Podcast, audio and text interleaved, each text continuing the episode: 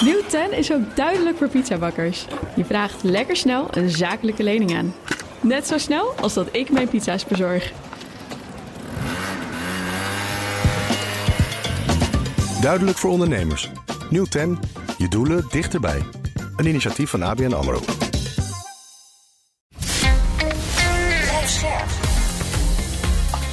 BNR Nieuwsradio. Boekenstein en de Wijk. Hugo Reitsma. Welkom bij Boekenstein en de Wijk. Het is dinsdag, dag 559 van de oorlog in Oekraïne. En vandaag een vraag waar we ons al wat langer over achter de oren krabben. Hoe is Nederland toch zo'n Oekraïne-havik geworden? Nederland speelde meerdere keren een voortrekkersrol als het gaat om zwaardere wapens voor Oekraïne. Recent weer met de F-16. Den Haag stelt zich veel harder op dan andere nou ja, zeg maar West-Europese landen. Hoe verklaren jullie dat?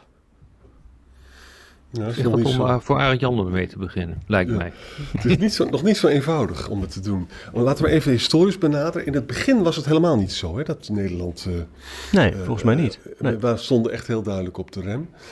Hoe je, je kan het nu verklaren door uh, de posities van de andere landen in ogenschouw. Wij zijn natuurlijk een klein land, hè? En we, en we hebben F-16's, dat is ook nog even belangrijk. Hè? Net als Denemarken en andere landen als Noorwegen. Um, je zoekt, kleine landen zoeken een platform waarbij ze dan uh, een, een, rol kunnen spelen, waarbij ze zich kunnen onderscheiden. Nou, Frankrijk is heel duidelijk, staat op de remmen, levert ook veel minder dan Duitsland. Hmm. Duitsland levert inmiddels heel veel, maar houdt heel erg Amerika vast. Hmm. Nou, dat gaf dus de mogelijkheid voor Nederland en Denemarken, en in veel mindere mate Noorwegen, om bij de Amerikanen voortdurend te bepleiten over die F-16-optie. Nou, op zichzelf genomen is dat begrijpelijk. Alleen de ellende is, het gevaar van deze strategie is, en daar hebben we vaak op gewezen, dat die uh, F-16's zijn belangrijk, maar ze zijn misschien geen gamechanger. Hmm. En we creëren hier natuurlijk wel hoge verwachtingen mee dat dit hem dan gaat worden. En, en, dus de, dus de, uh, en de overtuiging dat dit zo succesvol zal zijn, die is eigenlijk helemaal niet zo sterk aanwezig. Dat vind ik een nou ja, beetje gevaarlijk. Nu praat je al over de levering van een concreet wapensysteem. Hè? Maar de vraag ja. was, waarom is Nederland zo'n havik?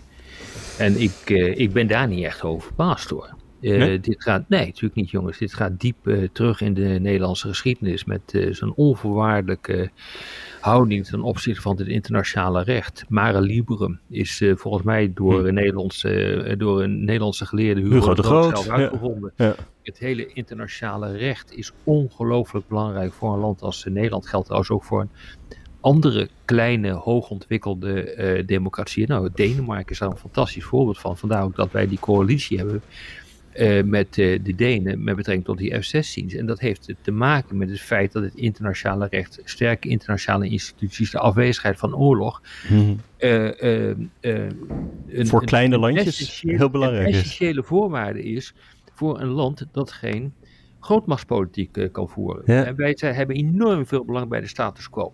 Dus dit gaat diep terug. En als er iets verschrikkelijks gebeurt in de wereld als er eh, ook op, op, eh, op het gebied van de humaniteit, mensenrechten, democratie, ga zo maar uh, door, iets vreselijks gebeurt, als tragedisch dreigen, dan staat Nederland gewoon vooraan. Ik denk dat je dit heel goed kan vergelijken wat hier gebeurt met wat er in het begin van de jaren negentig is gebeurd met Srebrenica. En toen niemand wilde naar Srebrenica en, en Nederland wel. En dat had ook diepe wortels. Dat, het diepe gevoel van onrecht. Van dit kan niet. En ja. hier moet wat aan gedaan worden. Nederland is er naartoe gaan, gegaan. Nou ja, jongens, jullie weten wat er gebeurd is. De grootste genocide sinds de Tweede Wereldoorlog heeft daar onder het oog van de Nederlanders uh, plaatsgevonden. Omdat ja. we er ook niet goed in gingen. Het was niet goed doordacht. Lees het niet op het rapport. Uh, nou, nu zie je hetzelfde gebeuren. Uh, en, en, er zijn echt parallellen te trekken. F-16's, net wat uh, Arjan noemde.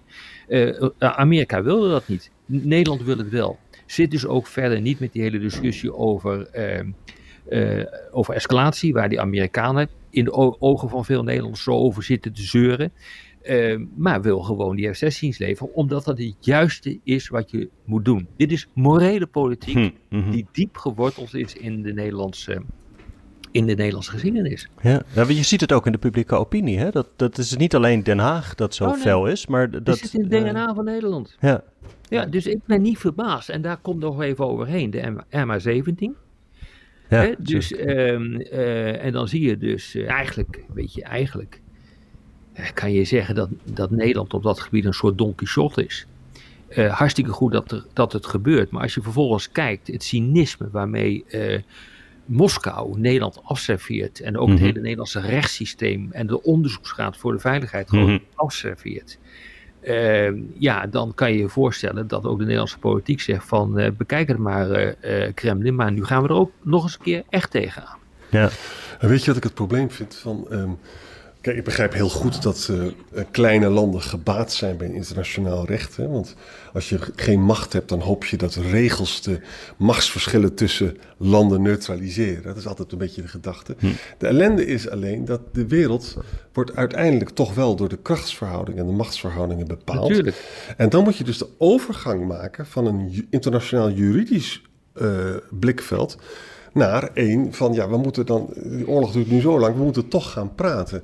En die overgang wordt bemoeilijkt als je eh, alleen maar vasthoudt aan het internationaal rechtelijke perspectief. Want uiteindelijk zijn het natuurlijk ook de Amerikanen die nu wel internationaal recht steunen, maar als zij China als een groter belang zien, dan gaan ze hun aandacht eh, verleggen.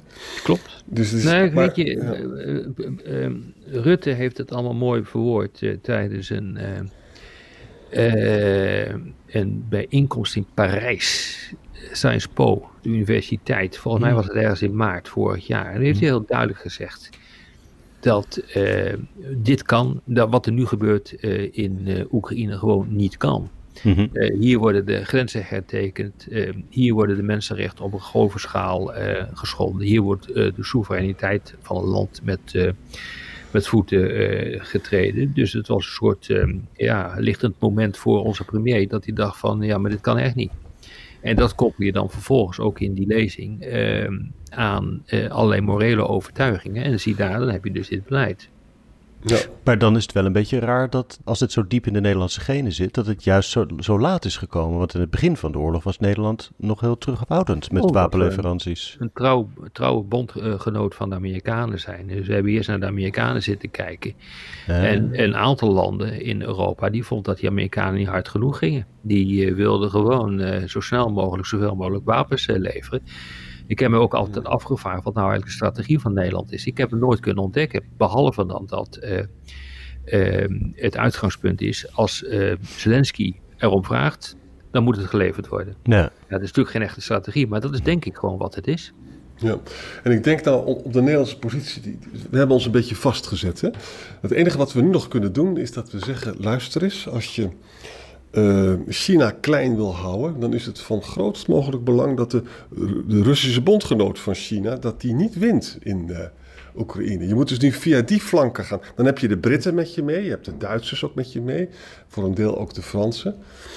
Maar uiteindelijk het grote probleem is, je zult de flexibiliteit aan het einde van de tunnel moeten hebben, omdat er toch een deal moet, uh, moet komen. Ja, maar die is er niet. maar die is er niet. En die is, nee, en die, die is er nog lang niet. Maar die is nog lang dus, niet. als het, dat is, die is er ook niet. Als er strategie is, we moeten leveren waar Zelensky om vraagt. Ja, de Amerikanen hebben wel een strategie. Ja, dus eh, de Europeanen die zitten op de toer binnen. Nou, ik bedoel, uh, ik denk zoals wij erin staan dat wij dat ook hopen. Alleen de vraag is of het lukt. Op dit ogenblik in de klassieke zin niet. En de Amerikanen die zeggen van ja, in de klassieke zin winnen, dat gaat niet lukken. Dus we moeten op een of andere manier toch uh, rekening houden met onderhandelingen. En dat betekent dat de wapenleveranties erop zijn gericht om de, uh, de Oekraïners, Zelensky, een zo goed mogelijke positie aan de onderhandelingstafel te geven. Dat is een heel andere manier van denken. En waarbij dus de Amerikanen leveren dus echt substantieel wat en hebben nog wat. Hè? En Europa die praat dus, dus zeg maar die Nederlands-Deens-Noorse coalitie praat over leveren. Maar die hebben straks niet niks meer. Nee, dat, dat maakt het ook zo. Ja, Jan, als je kijkt ook naar wat uh, dat Kuhl-instituut, dat heeft uh, fantastische staatjes, die houdt dat allemaal bij. Mhm. Ik denk, zo uit mijn hoofd gezegd, uh, dat qua geld er ongeveer, dat Amerika, de Europese Unie plus de individuele bondgenoten ongeveer gelijk opgaan. Maar als je kijkt dan waar het geld aan wordt besteed, ja, dan is de conclusie vrij simpel.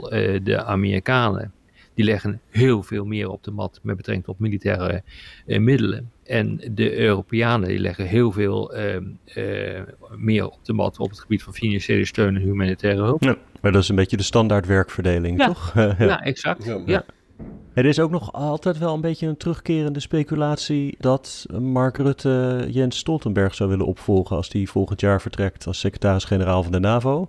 En dat, dat dit soort dingen daar ook bij een rol bij kunnen spelen. Ja, ik geloof er helemaal niks van. Ik vind dat, dat, ja, weet je, dat zijn van die typische, van die typische opmerkingen. Ja, die, niet dat jij hem nu maakt, maar je hoort het natuurlijk continu. Eh, er wordt meer achter gezocht dan, eh, dan, nood, dan nodig is. Want die internationale benoemingen, eh, dat zie je nu met uh, Wopke Hoekstra, Ja, die, eh, ja. Eh, die, eh, die, die- hoe, hoe heet die, eh, die PvdA? Timmermans moet die Frans opvolgen. Timmermans gaat, gaat opvolgen. Ik bedoel, dat had ook niemand verwacht op deze manier. Nee. Dus in, ik moet eerlijk zeggen, ik ben zelf een paar keer betrokken geweest bij internationale benoemingen. Dat, eh, eh, dat is geen pretje om daar onderdeel van, van te zijn. Hmm. En dat loopt ook, zeg, anders dan je denkt. Je wordt op het allerlaatste moment eh, gepasseerd. Ik heb, ben zelf een keer twee weken, we hadden de koffers al ge- eh, gepakt, gepasseerd door de Amerikanen voor een internationale eh, functie. Dus eh, eh, één, ding, één ding is duidelijk. Dit laat zich heel moeilijk plannen. Ja. Echt heel moeilijk. En bovendien, je zou wel een beetje kunnen speculeren. Het is natuurlijk denkbaar dat wat, dat wat Ollongren, Rutte en Hoekstra gedaan hebben op dat F-16-dossier, dat de Amerikanen daar niet zo gelukkig mee waren. Hè? En dat zou een parallel kunnen zijn met Lubbers, weet je nog? Lubbers die wilde ook eh, Oh. SG van de NAVO. Dat is toen gewoon gevetood door... Ja. eh, dat is een goed voorbeeld. ja. Ja. En verder denk ik dat Mark heeft geen belangstelling voor NAVO-zaken. Dat heeft hij niet. Die jongen die wil nog liever docent worden op een school dan dat hij dat doet. Nou, Het ik kan- het niet hoor. Het kan zijn dat het nu veranderd is omdat hij dus zijn hand overspeeld heeft met die kabinetscrisis. Dus hij, is, hij is dus nu echt vrij. Het zou zomaar kunnen. Maar ik zie hem gewoon niet in Brussel gelukkig zijn. Ik geloof daar niks van. Nee, maar hij moet wat. Hij en moet in wel Nederland, wat, ja. ja, weet je, ik denk dat hij ook uiteindelijk niet eh, gelukkig wordt met zo'n staat van dienst en de wereld waaruit hij komt om voor een glas te gaan staan. Ik kan me het niet voorstellen. Het, eh, het verschil in wat je doet is zo groot en het verschil ook in competentie dat je nodig hebt eh, voor, voor het onderwijs en voor de, voor de politiek is, is, is zo verschillend. Ja, dat ik me Hmm. niet kan voorstellen dat je daar wel gelukkig in eh, wordt. Ik bedoel, ja, nee, dat kan ik me ook niet voorstellen. Hmm. Dus hij, hij moet gewoon iets. Ja, overigens was het een halfjaartje geleden of zo, toen was Rutte ook naar, naar het Witte Huis. Eh, weet ik nog dat hij zo'n zo'n stoer CNN-interview had, waarin hij zei dat het Nederland in de Premier League speelt Ja. qua steun aan Oekraïne. En toen kwam geloof ik een paar dagen later het bericht naar buiten dat in 2025 de NAVO-top in Nederland wordt gehouden. En dat was nog nooit eerder gebeurd. Ook gek eigenlijk.